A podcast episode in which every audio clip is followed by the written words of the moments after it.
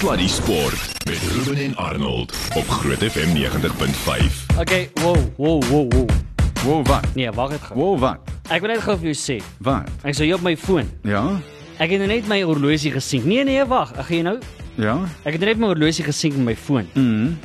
Daar staan Ja, okay, kom ek stop net gou-gou die bus daar want ek moet nou net vir ons luisteraars sê Ruben het vanaand saam met my kom hardloop by Tuks. Um op die baan, op die tartan, daai mooi blou tartan. Ja, okay, vertel nou verder. Ja. My horlosie vra nou vir my die volgende vraag. Did you run with Arnold Gears? Because you are broken. You are broken. Jy bedoel jou foon ken my naam. Did you run with Arnold Gears because you are broken? Onthou jy You cannot be fixed. Dit was voor jou tyd, maar daar was 'n ongelooflike kommentator, afrigter en atleet op sy tyd, 'n absolute legende met die naam van John Short. Ja. En toe ek een keer klaar supersport kommentaar oor atletiek gedoen het saam met oom John, toe sê hy vir my: "Annie, jy ken al die woorde se name, man." Dit is mooi. Hoorie my maat, ek moet vir jou sê, ehm um, jy sterk op pad kommers toe, maar jy lyk goed hè. Ja nee, maar jy la- jouself, hoorie? Nee. Ek wil ook net terugverwys na verlede Saterdag se 10 km. Ja. 4 minute 38 sekondes per kilometer. Jy het jou persoonlike beste, jy het hom verpletter. Ja, maar dis nie nou die punt hier. Die punt is Nee, jy's op nee. pad kommers toe. Jy uh, is op 'n rol want ek moet vir jou sê, uh En dis nie 'n salami rol nie. ja, maar hoeveel kilos jy het gister 30 gaan doen, vandag het jy baanwerk gedoen. Ja, so ons het vandag ek en jy het saam 14 kilos Dit gedoen. was lekker, So dit was baie lekker en gister was 'n goeie dag. Nee, ek is op ek is op pad. Ons mm. die die bus rol mooi. Die bus rol mooi. Hoeveel stuk kommers is dit vir jou? 13de, eh, 12de. Ehm 12de een wat ek gaan klaarmaak, die 15de een wat ek begin. Jo, oh nee nee, well done. Ek moet sê ek is baie opgewonde vir jou tyd hier. Nee, ek dink uh, jy Ek sal. sês in shape en ek het gesien vandag op baie bane. Ek sê, "Joh, die man is al waar." Tot daai coaches al langs die pad sê, "Looking good, Arnie, looking, good." Annie, ja, maar hulle voel jammer vir my. Nou hoorie, ons het nou ook op 'n stadion toe praat ons langs die veld. Toe sê ons, hoorie, wat is die Afrikaans tog? Wat wat is die Afrikaans vir tenpin bowling? Ek kon nie daarop uitkom nie, maar miskien gaan Werner ons help want Werner is die man wat verstaan Ja. van hierdie goed. Werner, eerstens goeie aand en welkom hier. Uh as ons vanaand bietjie oor ons woorde val en ons is nie gefokus nie, ons is wel ek, laat ek eerder sê ek is gebreek vanaand. Dis normaal vir Anie. Uh goeie aand en welkom. Ja. Goeienaand julle. Uh, Wat is die Afrikaans? Uh, dis kegelbal. Is- Ek het jou gesê. Jy's reg. Wat het jy gesê? Hoe Ja. wat het jy gesê 10 10 ma- 10 maal balval dit was iets verskriklik in elk geval. Uh, Werner ja, uh, uh, een van die dinge wat altyd vir my fascinerend is is dis een van daai met, met groot respek dis dis een van die kleiner sportsoorte, maar daar's bykans niemand in die land wat dit nog nie gespeel het nie. Dis die wonderlike ding daarvan want mense ken tenpin bowling. Dis Mm. dis iets wat hulle gaan doen as 'n normale ding elke nou en dan. Ja, is 'n baie sosiale sport. So ek is, bedoel ja. ons het, het daai tyd by Kingsley het jy of by Sterland gaan ijskaats of het by Kingsley tempo bowling gespeel. Ja. So kom ons kom gou-gou vir die mense wat totaal en al leuke is wat nou nie weet hoe hierdie storie werk nie. Hoe werk die liga? Kom ons begin daar. Okay, ons speel op 'n maandag gaan speel ons liga by Menlyn. Ja. Uh dis 'n span van 4 mense. Uh dis R150 'n aand. En dis 3 games en dan ja, jy speel op rondom Talie. So jy speel Mhm. elke week teen 'n ander span van die 12 spanne. Ja. En ja, Storm ran daai liga so. Hy ran nou al vir 5, 6 jaar en Ja. ek kan met trots sê dat die span waarin ek in Storm speel is in die laaste 6 jaar is ons 5 keer kampioen. Eita, Dis dit wil gedoen word. En en dis kompeterend. Ek meen Baie. daar's nie jy kan nie fout maak nie. Okay. Ek wil net gou daar inval want ek het die voorreg gehad om saam met hierdie manne te gaan speel. Ek weet, nee, ja. wag, nie die voorreg hierdie fout. Want uh, jy jy jy staan nie 'n kans nie, selfs met 'n handicap. Hierdie ouens is maar toe ek nou Storm en jy het onder andere 'n bietjie vir my, jy weet, van die ouens wat vir my so lekker is. Die ouens vat jou op die baan, hulle Hmm. wys hoe dit werk. Ek het nie geweet is so tegnies nie. Selfs net die baan, hoe die bane geolie word. Anie, Hmm. dit is verskriklik tegnies. Jy kan ons dalk so 'n bietjie meer van dit vertel. Ja, daar's obviously 'n klomp aspekte wat ehm um, te werk speel. Uh, weet die bane word geolie op 'n verskillende manier. Ehm um, die balle waarmee jy speel is verskillend. Daar's verskillende weight blocks in elkeen. Ja. Ja. So we- ja, hy doen elke keer iets anderste. En dit hang ook maar af van die temperatuur. Nou het ons in Egipte gespeel is bietjie warmer, so dit dit verander die kompleksiteit van waarop jy speel. Ja. Wat vir my baie dieselfde is en dis eintlik verbasend. Of jy 'n golfhou slaan en of jy 'n tennishou slaan en of jy spies gooi of jy kegelbal speel, die aksie is verskriklik baie dieselfde. Nou mense sê maar jy weet nie waarvan jy praat nie, maar dit dit is presies dieselfde idee. Gewig terug, gewig deur, daar's 'n afleweringspunt en jy moet deurvolg. Yes. En dis hoe dit gebeur. 100% ja. Dis my altyd verbaas, maar ek moet ook sê daar's soveel meer dinge by kegelbal wat kan verkeerd gaan. Dis baie soos golf. Daar is 'n 'n 'n menigmal van dinge wat kan verkeerd gaan. Ja, veral as mense dit bietjie ernstiger Ja. begin opneem. Maar ja, as jy eers die basiese goed leer, soos wat ons vir Ruben hulle geleer het, hy het 'n goeie game gespeel. Nee, Hy hy was is baie 'n atleet hierdie ou. Hy Die- dink net nie hy is een nie, maar hy is een. Hy is een. Ja, maar ek's ook die nederigste ou wat jy ken. Ja ja, dis ook seker waar. Nou help ek ook nou nie seker daarmee nie. So, soos alle Bloubal ondersteuners. Oh, daar gaan ons. Yes. Mooi man. Mooi mooi. Okay, maar ook ek moet sê, ons is baie trots op julle want ehm um, jy weet Bowling South Africa. Dis nou laat ons dit gou verstaan. Hoe lyk hierdie span Bowling South Africa? Is dit net in Pretoria of is dit reg oor Suid-Afrika? Nee nee, dis reg oor Suid-Afrika. So ons het verskillende provinsies. Daai provinsies is nou al opgedeel in in streke soos Tshwane en Ekurhuleni en dan ja, daar is uit die aard van die saak uit spelers in uh, Port Elizabeth en Kaapstad en Durban. So ons speel jaarliks speel ons 'n interprovinsiaal teen mekaar Ja. en daar's aantal punte wat saam optel na 'n uh, noem dit nou maar 'n uh, Protea span toe. Okay. En dan hoe word die span saamgestel wat na die volgende vlak toe gaan om deel te neem?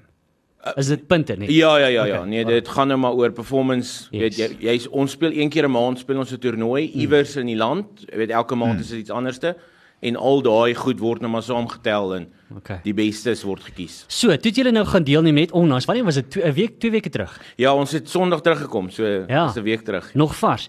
Die the Second African Zone Championship. Het ek dit reg? Yes. En dit was in Egipte gewees in Kaïro wat julle deelgeneem het. 100%. Vertel ons so 'n bietjie, hoe lank was dit? Watse lande deelgeneem? Vertel ons 'n bietjie van die toernooi. Ja, ons het daar deelgeneem. Uh, dit was so 10 dae. Ehm um, weet vroeër jare wa, was ons deel van die European Zone en toe het hulle ons afgebreek dat die Afrika lande teen mekaar kompeteer en dan optel na die World Championships toe. So by hierdie spesifieke een was uh, Egyptian, uh, was Ghana, Ethiopië, Tunesië, Nigerië, Senegal en dan onsself. En dan ja, ons daar was vier Asiëse lande uitgenooi, maar as gevolg nou maar van al die gemors wêreldwyd met COVID en so meer het hulle toe nog gekanselleer op die laaste oomblik. Hmm. En jy het werklik waar goed gedoen, Werner. Ja, ons het ehm um, ons het baie jare laas het ons 'n span gestuur. So hierdie was nou nogal vir ons 'n 'n eye opener geweest om in die laaste 5 jaar weer 'n span te stuur en ons ons het heeltemal bo verwagting gekompeteer. Ek was nogal heel impressed. So vertel ons 'n bietjie van die resultate. Kyk, ons het ehm um, jy, jy speel 'n 'n 'n singles en 'n doubles en 'n trios en dan as 'n team speel jy saam en dan 'n masters final en ons het ehm um, in ge geheel het ons 11 medaljes gewen. Wow. Ehm um, Sjoe. waarvan die span waarin ek gespeel of die kombinasies waarin ek gespeel het, het ek 'n silwer medalje en twee goue medaljes gekry. Pragtig. So uh, ja, dit dit dit dit was nogal 'n groot 'n groot geleentheid vir ons almal. Sit dit net vir ons in konteks. As jy sou gaan deelneem in Amerika waar die sport natuurlik massief groot is en waar dit 'n beroepsport is, uh, waar dink jy sou jy plaas? Kyk Ek weet dit is moeilik om te sê. Ja, kyk op die oomblik dink ek is ons nog 'n bietjie wyd van daar of jy sal verbaas wees om te weet dat um, in Europa, in Engeland en Finland en daai wil ek amper sê skandinawiese lande is die sport baie groot. Hmm. So ja, Amerika is nou maar die trendsetters, maar Ja. Uh die Europese lande kan nogal die kers vashou met daai manne. Hmm. So nee, ek ek ek glo ons kan challenge vir 'n top 10, top 20 posisie. Maar uh, ja, daar's nog bietjie werk. Ja, ek dink die oomblik as mense in 'n in 'n beroeps of 'n professionele liga in 'n situasie opeindig dan dan is dit natuurlik totaal anders. Julle is almal ouens wat deeltyd speel. Nie, nie een van Ja. julle is voltyds nie. So dit maak 'n groot verskil. Ja, dit maak. Ek bedoel, ek het ewen nou in Egipte gesien, uh amper helfte van daai span is professionele spelers want dit is vir hulle makliker om in Europa te kompeteer. En ja, in Amerika gaan jy speel teen heeltemal professionele spelers waar ons nie is nie. Net gou vinnige vraag. Hoe oud was jy toe jy begin speel het? Uh ek was 7, 8 jaar oud. Ek Wow. bedoel en op daai stadium het weet voor dit het ek as 'n baba groot geword onder van die greats wat die sport gespeel het. So ek het letterlik groot geword in die Kingsley Bowling Alley. En hierdie is wat is dit jou grootste toernooi tot dusver? Ja, ja, nee by verre. Ek Wow. Ek bedoel ek ek joke altyd as mense sê maar hy was 'n overnight sukses dan sê ek ja, dit het my 30 jaar gevat om 'n overnight sukses te word. so. Dit is so, dis altyd daai selfde storie. Ja, nee, dit was by verre die grootste event waaraan ek nog gespeel het. Daar het baie trane geloop. Ek is geïnteresseerd om te sien jy jy sê hier op jou e-pos vir ons eh, Dr Henning Gericke, die Mm. sportsielkundige het jou baie gehelp. Vertel vir my daarvan. Ja, dit is nie iets wat ons nogal uh van tevore aangespreek het nie, maar dit was nogal belangrik geweest en ek is 'n 'n 'n kranige Henning Gericke fan nou al jare lank. Ons So almal, hoor. Ek het al sy boeke gelees en so ek het hom so 'n paar maande terug gekontak en gesê ek wil 'n bietjie tyd met hom spandeer en hy tyd met die span spandeer en met my spesifiek en wat 'n ongelooflike mens. Dis verseker iets wat ons meer aan aandag moet gee. Wat is die grootste ding wat hy jou Ek geleer was het? op pad om dieselfde nou te vra, ja. Wel, hy het vandag eendag vir my gesê jy is 'n kampioen Werner. So hy het gesê staan in die spieël en sê vir jouself jy's 'n kampioen. Maak nie saak wat alles in jou verlede gebeur het of hoe lank dit jou gevat het om hier te kom. Wees net die kampioen wat jy glo jy is in jouself. Mm. So ongelooflike mens ek ja. Positive affirmations. Daai selfde ding wat Janie Pitter ook net uh, dieselfde ding oor en oor altyd sê. Daar's 'n les vir ons almal, Werner. Ek het 'n pel wat sê hy staan elke oggend op en hy kyk homself in die spieël en hy sê ek is lief vir jou. Jy's 'n kampioen. Daar's niks wat jy kan doen wat ons nie kan regmaak ek en jy saam nie. Kom ons gaan doen die dag vandag. En di- on. Dis die manier om dit te doen, nie waar? Mm, nee, verseker, nee, verseker. So wat is volgende vir span Suid-Afrika en vir Werner wat tempo bowling of kegel kegelbal aanbetref? Wel, op die oomblik wil ons obviously ons ek glo ons het nou gekwalifiseer vir die wêreldkampioenskappe O, wat yes. in uh, November is. Waar dit spesifiek gaan wees, dit was van tevore in Dubai, daar's 'n bietjie struwelinge waar dit gaan wees, maar dit sal ons volgende mylpaal wees en obviously bly ons net hard werk. Ons neem nou die naweek deel aan die Arnold Classic wat 'n multisports event is. Arnold Classic, ja. So ja, dit is die event waaraan ek die naweek deelneem en obviously my beste probeer gee om die volgende span weer te probeer. Ek het nie geweet uh, kegelbal is by die Arnold Classic nie. Ja, maar daar's 'n massiewe ja. lot sporte. Ek dink daar's iets so 17 verskillende sportsoorte Wow. van die Arnold weer hierdie Classic. jaar? Ek weet nie, Wel, Ruben. okay. Ek weet eerlikwaar nie. Maar ehm um, is jy in Sandton? Ja, ja. nee, hulle het hom geskuif na Randburg toe. O, okay. Hulle het 'n hele tent city daar opgerig vir al die kleiner sporte en met daai bedoel ek hulle doen judo en ander sportsoorte ook. So dis 'n lekker uh maatstaf vir ons om in te speel waar daar nou nie 'n rugby of 'n cricket of 'n swets groot is nie. Jy weet die laaste keer toe ek met hom onderhoud gevoer het by die Arnold Classic ja. so 5 jaar terug. Ek het sy boek gelees en dis 'n fantastiese boek en hy, jy kyk net na alles wat hy al gedoen het in sy lewe en toe sê ek vir hom op 'n stadium, "But Arnold, you you seem to fit so much into your life. How do you do it?" Toe sê hy, "All I do is I sleep faster." Dis mooi, ek love it. Werner net gou vinnig, ons tyd hardloop baie vinnig uit. Uh vir mense wat wil betrokke raak. Dalk is daar iemand wat nou luister en sê, "Jy hoorie, maar dis iets wat ek sal oorweeg om deel te neem en hopelik eendag ook in die wêreldkampioenskappe te kan speel." Waar kry hulle meer info? Ja, toe ons hiernatoe nou ek hiernatoe gery het, het iemand ook gebel en gesê hulle wil uh hulle jong seun laat speel. Toe sê ek al wat jy moet doen is opdaag. So ons het by Menle in 'n liga, dis baie welkom enige iemand en soos jy weet, ons maak jou touwys en ons maak jou deel van die liga. So enige iemand is welkom. Ek kan my details vir julle gee. Ja, ja. Stormsin wat die liga is en asseblief maak kontak met ons. Daar's altyd plek vir nuwe mense. En gelukkig is dit 'n sport wat kan gespeel word van 8 jaar oud tot 80 jaar oud. Yes, ja. Ja. Dis die stem van Werner Groenewald wat nou net uh, suksesvol was saam met die Suid-Afrikaanse span in kegelbal daar in Egipte by die sone 2 kampioenskap. Werner, baie dankie vir jou tyd om aan te Ja. daan. Laat weet ons as, as ons weer vir jou in die ateljee kan kom kry, hoor. Ja, verseker, dit was my voorreg. Thanks julle. Dankie julle. Nou ja, Annie, ons gaan 'n breek vat en dan net hierna gaan Dan ons verder. praat ons oor K2, sekerlik die wêreld se moeilikste berg om te klim. Ek kan nie wag om hieroor te gesels nie, want jy het my vlugtig verlede week hieroor vertel en ek is soos, "Wat het ek reg gehoor?" Ja. So baie vir dit na bly net waar jy is.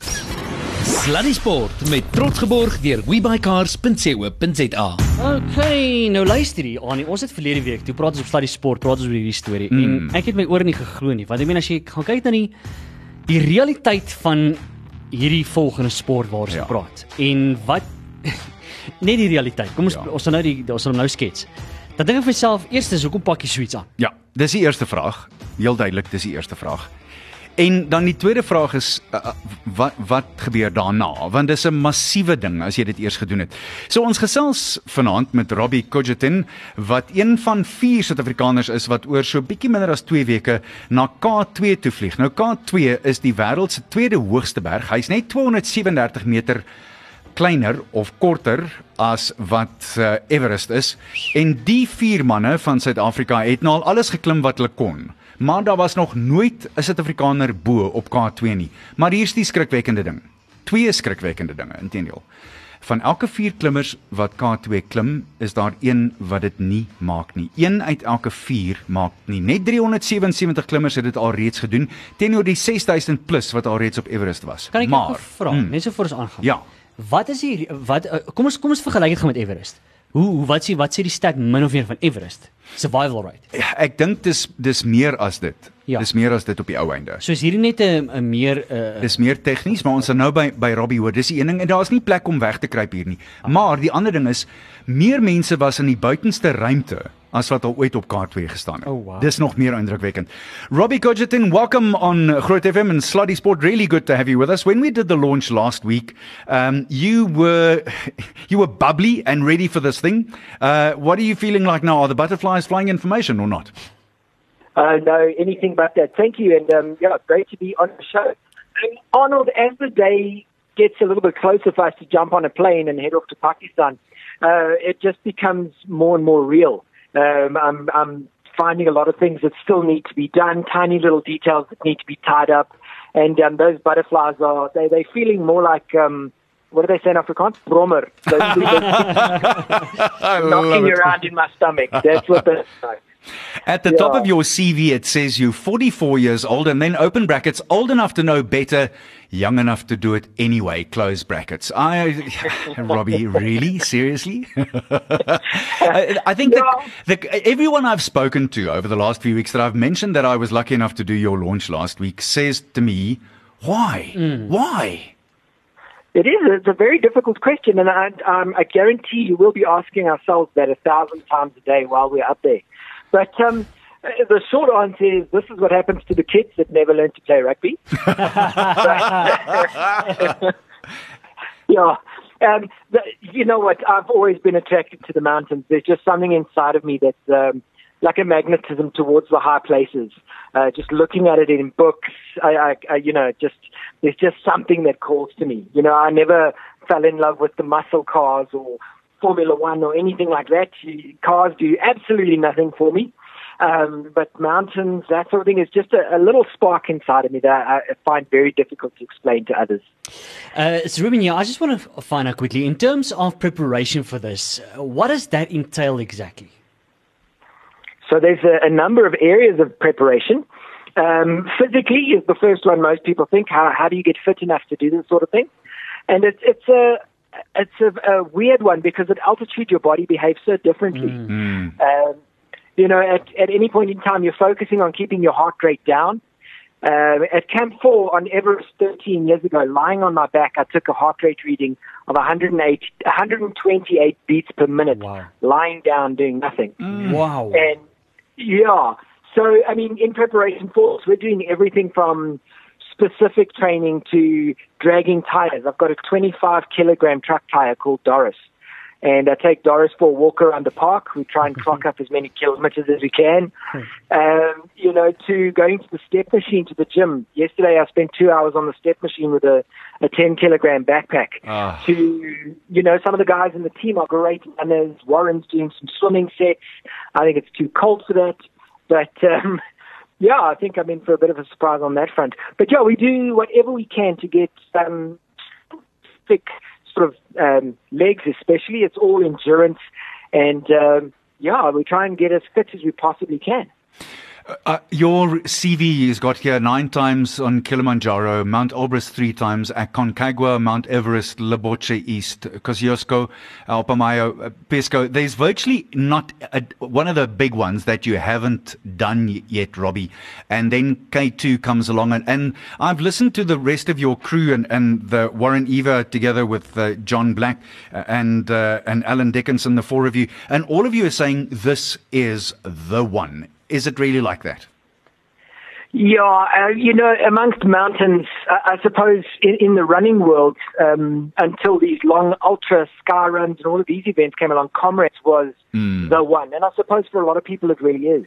K2 is considered as the mountain of mountains, the, uh, you know, the ultimate climb. It has everything. It's got altitude, it has exposure, it has danger, it's got technicality to it, and it's remote. I mean, it's a 10 day walk to get to the base of the mountain. And uh, so, yeah, it really is the. Um, yeah, it's the cherry on the cherry on the cherry on top.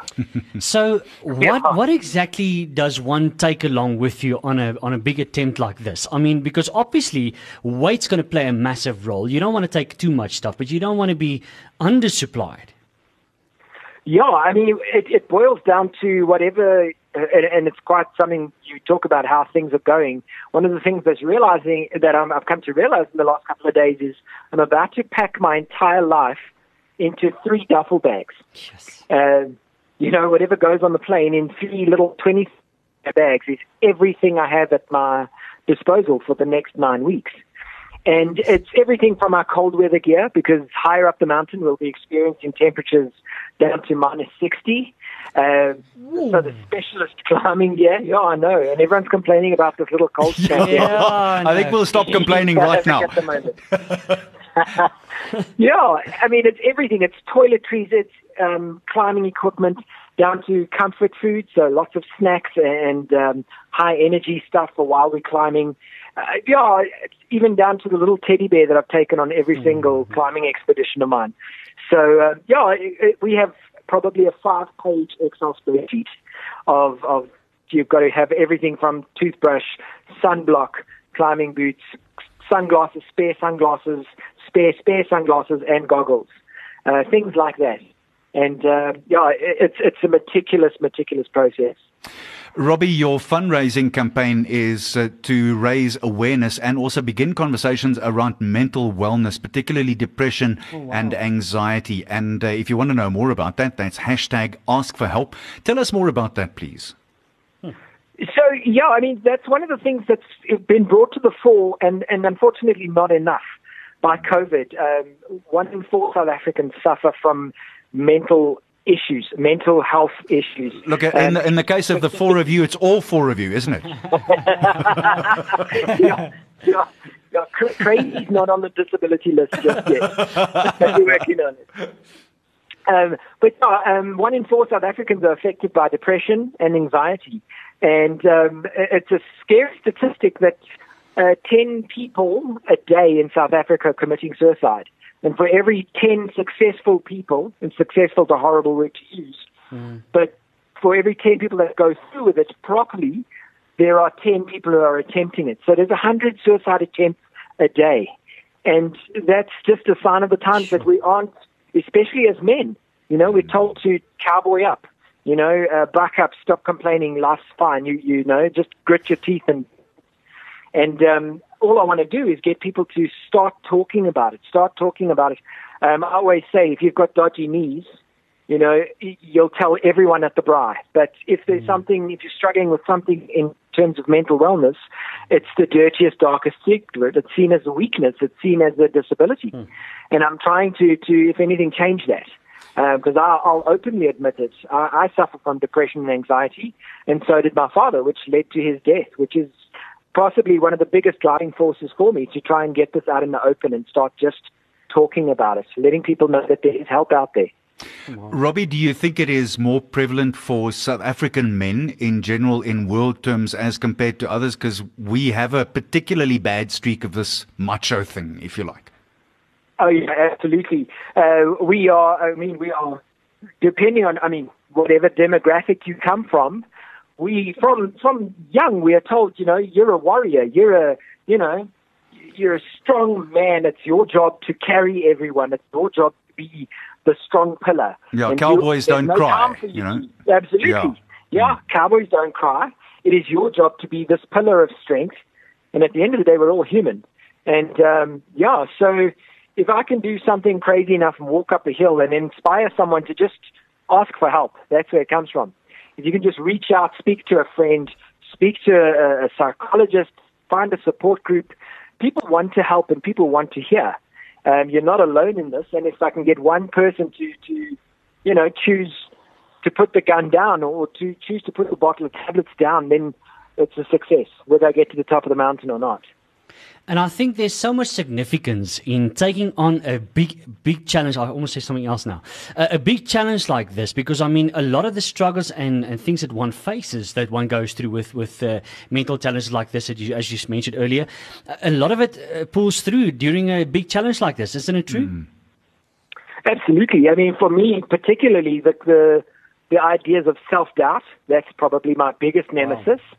Wow. Um, yeah, self doubt and this struggle and loneliness of feeling disconnected from the world. This is the epitome of all of that. Sure. And I'm just lucky enough to have a, a team of incredible, incredible friends that um, we, we pull through. And uh, we're there for each other, and we know that. Robbie, I'm also very interested to talk with you, and we mentioned this at uh, the the launch, but it is interesting. So, uh, pulmonary pulmonary edema, um, and, and, then of course HAPE and HACE, both of them. So the one is uh, attacks the lungs, the other one the brain at a certain altitude. Just talk us through that and what what can happen up there on that little hill.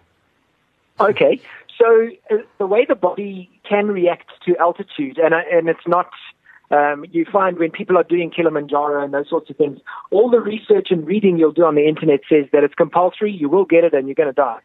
Um, and so people are quite panicked about it. But unfortunately, there is nothing to separate those that'll get get it or won't get it. Um, it's it's luck or bad luck of the draw. And what it is is as the body goes to higher altitudes, the decrease in air pressure creates fluid to literally leak out of your blood vessels, through the walls of your blood vessels. And that liquid accumulates either in your lungs or in your brain. And so that's where cerebral being the brain mm. and pulmonary around the lungs. Uh, with cerebral edema, that fluid accumulating in your brain, it, it becomes uh, unbearable pressure and it starts off with headaches, uh, can go towards dizziness, hallucinations, confusion, and eventually, if untreated, it uh, becomes uh, you black out, it becomes a coma, and it's it's deadly. It's absolutely fatal. The only way to treat uh, altitude sickness is to descend to a lower altitude. Um, with pulmonary edema, that fluid accumulates in your lungs, and if you've ever had bronchitis, you know that that rattle, that crackle noise when you're lying on your back, and you can hear the fluid in your lungs moving. Wow! And that's that's yeah, it's, it's a terrifying, terrifying experience you feel like your lungs are shrinking until you know you, you're breathing, you're, you're gasping for air, but you're not absorbing any oxygen. And, and a person will literally drown in their own fluids if they don't treat altitude sickness um, with uh, emergency drugs and getting to a lower altitude very fast. So here's my question: Is there any way of somehow preparing for this? There's, there's literally no way. I mean, the American military when they wanted to drop soldiers in the high mountains of Afghanistan, um, they were doing a lot of research with regards to altitude and is there a gene that says you'll get it, you won't. But unfortunately, their research came back absolutely blank. There's nothing. I mean, I've had, like I said, nine summits of Kilimanjaro. My next one could put me flat on my back. Yeah. There's nothing we can do to wow. prepare about. Yeah, you can't train and sort of bank altitude. There's there's nothing you can do. You've got to basically take it and one of the best ways to do that is to ascend slowly. Mm. So that's why we are taking 10 okay. days to walk to base camp. Okay. Yeah. And then, yeah. of course, Robbie, the, the other thing that is fascinating for me, and I, I love how the preparation, it just shows you preparation is everything. Mm. You guys are going to, I looked at the video of the ride, as I said to you during the launch. The, the seven hour ride on the side of the mountain scares me more than the climb itself. I don't know how you boys are going to do that, but my, my bum is going to be clenched for you. I will say that much. Then you walk the 10 days, and that already helps the acclimatization. But then just take us through the process because you get to base camp, then you'll may sleep there for a day or two, up to Camp 1, which the porters will have built for you. Then you come down. Camp 2, and then you come down 3, and then eventually 4, and then the push for the summer. Just talk us through how you're planning to do that. So, yeah, so we'll be flying Johannesburg to Doha, Doha to Islamabad. Then we spend two days in Islamabad where we'll be sorting out final logistics before jumping on a tiny little plane to go to a place called Askole, which is literally the Ascol of the whole planet. Uh, it's tiny. There's don't blink, you will miss it. um, and um, I can't even say it's a one horse town; it's a one donkey town. and um, yeah, from there we'll, we'll jump into some four by fours, and we'll literally head out for an entire day, possibly two days, depending on the conditions of the roads. and um, we'll be driving on some of the most interesting sort of single track stuff that we've ever encountered, which is um, going to be a challenge. As I mentioned before at the launch, um, uh, I wasn't joking when I told the guy sick. Um, and but he didn't let me drive either, so it's a bit of a lose lose situation. But from there, then we move, start moving up the Baltoro Glacier, up a, up a valley towards K2. Uh, probably covering between 8 and 12 Ks a day, where each night um, we'll be settling down, setting up a camp, having something to eat, get the night's rest, and then move on the next day until we eventually at an altitude of 5,100 meters at the foot K2. Uh, just let me let me stop you there for a second. So the the difference here between the the Everest, where you leave um, the the main town and you you make your way through and you eventually get to base camp, there are little towns in between.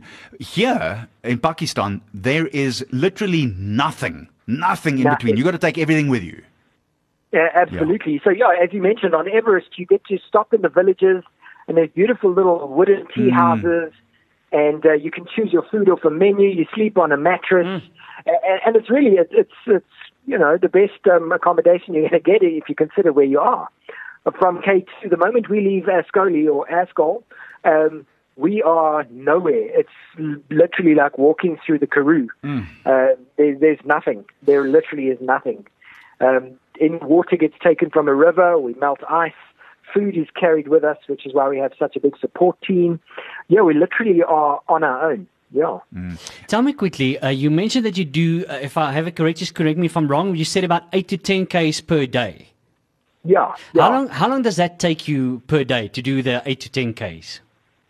So it's um, the longer you take, the, the, the better it actually is. Because okay. just like on Kilimanjaro, you want to take your time to acclimatize. You know, you're not trying to break any records. You are literally taking in the sights, paid a lot, a lot of money for the trip, take a lot of photos. yeah. And okay. then, yeah, you want to take your time, get into camp, keep it done. You don't want to race and risk an injury, twist an ankle or a knee. And uh, yeah, it's all preparation for the main event. So yeah, you've got to take it easy. And then once you get to base camp, what's the plan then, Robbie? From base camp, we'll probably have a day or two's rest. And all of this can be shifted around by the weather. Uh, so this is the, the sort of, you know, the idea we have in our head. The mountain will always um, have its own plan. But we'll rest up for a day or two and then we'll probably start making our way up to Camp 1. We'll take a load carry, take some of the necessary stuff, oxygen bottles, tents, some food supplies, and drop them off where Camp 2 will be, probably set up a tent, and then make our way back down, have a, a rest day, and then maybe make our way up to Camp 1 again, maybe spend the night there, push up to Camp 2, and then come back down again, and um, do that for Camp 2 and 3, and then come down and wait for a final push, where we'll probably be able to move to Camp 2 in a single day, because now we're acclimatized um, and, and mountain fit, as you could call it. Hmm. And we'll move to Camp 2, and then probably move up to 3, spend the night, move into 4, which we'll probably get there in the late afternoon, and hopefully push for a summit bid anywhere from 10 o'clock that night till 1 o'clock. We'd look at leaving around that time, midnight, and make our way to the summit for what could probably be anything between 12 and 20 hours round trip from Camp 4 to the summit and back to spend the night, and then pack up, move our way down, probably spend a night at Camp 2, move our way down to base camp, pack up everything, and then start the four or five day trek out. Wow. So it's a different path and it's a bit quicker. So yeah, that's why we'll be leaving 14th of June and only back on the 15th of August. So it is a, it's a process. It's a slow, uh, deliberate process. It sounds absolutely amazing. Such an adventure, uh, Robbie, I also wanted to hear from you.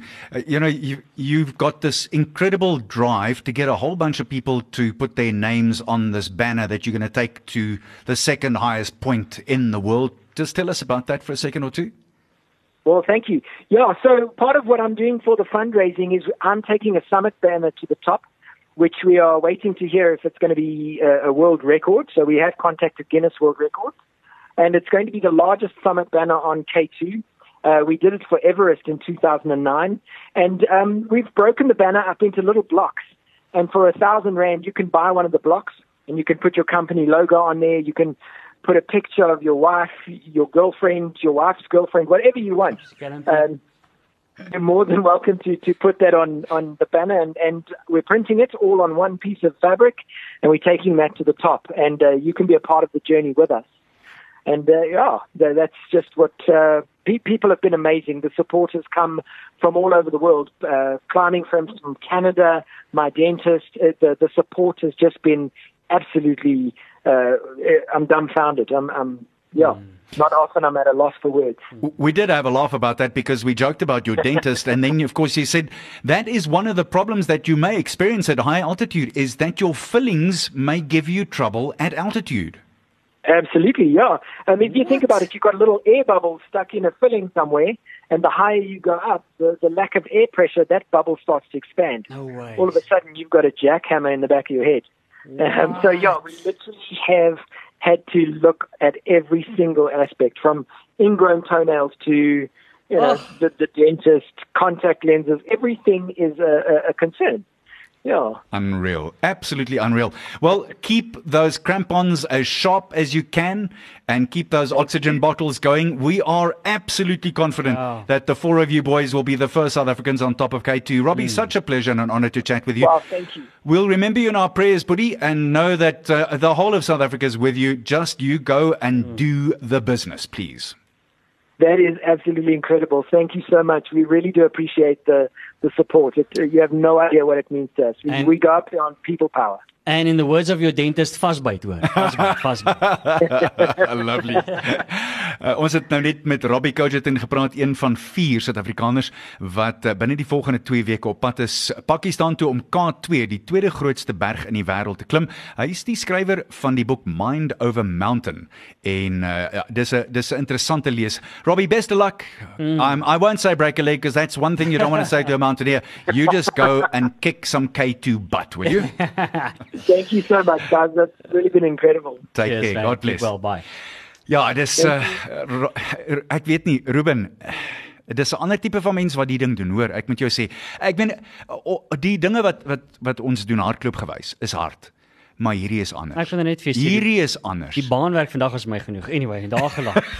My maat, uh, ons tyd hardloop uit. Kom ons kyk gou vinnig na die naweek se wedstryde. Kom ons Ja. fokus daar by die tennis. Ehm um, ja, Antonio, ek wil gou-gou gesels oor die twee semifinale, die halfeindstryde by Roland Garros. Cody Gauff het nou net vir Martina Trevisan 6-3 en 6-1 geklop en Iga Swiatek het vir Daria Kasatkina 6-2 en 6-1 geklop. Hoe is daai statistiek van Swiatek nie? Ja, ongelooflik. 33 wedstryde in 'n ry. Dis nou dieselfde as mevrou Williams en dit wil gedoen word. Ek moet net hierdie inkry. Ek hmm. moet dit net sê die Cheetahs het vandag die champagne oopgebreek want hulle is op pad na die Euro uitdaagbeker in Europa en Hawies vir en sy manne sê hulle is bitter bly. Ek, ek ook boys. Ek, wel, ons is almal bly. Ja, vir Suid-Afrikaanse nee, nee, rugby is dit 'n wonderlike ding en ons is regtig bly daaroor. Ek wil wel net vir jou sê. Mm -hmm. Ek was baie ongekrap met jou span se vertoning laas. Nee, ek self. Ek self. Wat ek het fout gegaan? Ek het nog net swart onderbroeke aan van verlede Saterdag af. Nee man is naar. Ek weet Ja, nie. weet jy, dit was- dit was baie sleg. Ek, jy kan dit nie verduidelik nie. Ek wil nie eers verder daaroor praat nie. Los hom daar. Môre om 4uur is dit DHL WP teen die Windhoek Draft Griquas dis daar by die Dani Kruiven Stadion in Stellenbosch en dan om 6uur môre aan die Toyota Freestyle uh, 15tal hmm. teen die Airlink Pumas dis in Bloemfontein in Saterdag is dit die groote Boeja! Ja ja ja, dan is dit sulke tyd. Dan is dit die Sharkies in Nee. ja. Hæ? Sê dit mooi. Sê dit mooi. Die die die sh- Nee. die, die sh- ja, Die blou. die blou. Die Woude Kompuls. Ja. Ons gaan hom vat. Ek Ons gaan hom jou vat. sê, ek dink ek luister na alles wat daar van die Shark wêreld afkom en ek sien Thomas de Toey sê nee, maar hulle reis beter deesdae en al daai soort van dinge in mooi geselsies, maar ja, ek weet nie so mooi nie. Dis nie maklik om hiernatoe te kom en hier toe kom wen nie. Wel, dit gaan 'n groot game wees. Ek kan nie wag nie. Ek dink dit gaan 'n baie goeie en 'n baie mooi game dit wees. gaan beslis. En daar gaan baie mense van groot daar wees, so kom sê maar dag, dit gaan lekker wees. Mm, daar is 'n losie daar mm. en ek weet Ruben, jy, jy gaan 10 teen in 'n megafoon daai. Ek gaan myself gedra, maar sleg gedra, is ook ons maar 'n Ja, vorm ook van 'n gedra. ook 'n vorm van gedrag. Nee, is so. Dit is so. Tyd vir ons om totsiens te sê, maar net mm. ek wil jou dan net sê, ek het die lieflikste ou storieetjie gehoor van hierdie groot bloubil ondersteuner. nee, maar nee. 'n groot bloubil ondersteuner. In statuur en ook die manier wat hy sy span soort hy hy's mal oor sy span. En hy, hy kom die aand by die huis na werk en sy ou vroutjie het so 'n spinnerakkie van 'n onderkleertjie aan. Jy weet so so ou klein st- en hy hy kyk haar so op en af en hy sê en nou liefie, sy sê man maak my vas. en doen net wat Annie. jy wil. Annie. Toe maak hy haar vas en toe gaan hy loftes toe. nou praai. Sluddy Sport met Ruben en Arnold op Groot FM 90.5.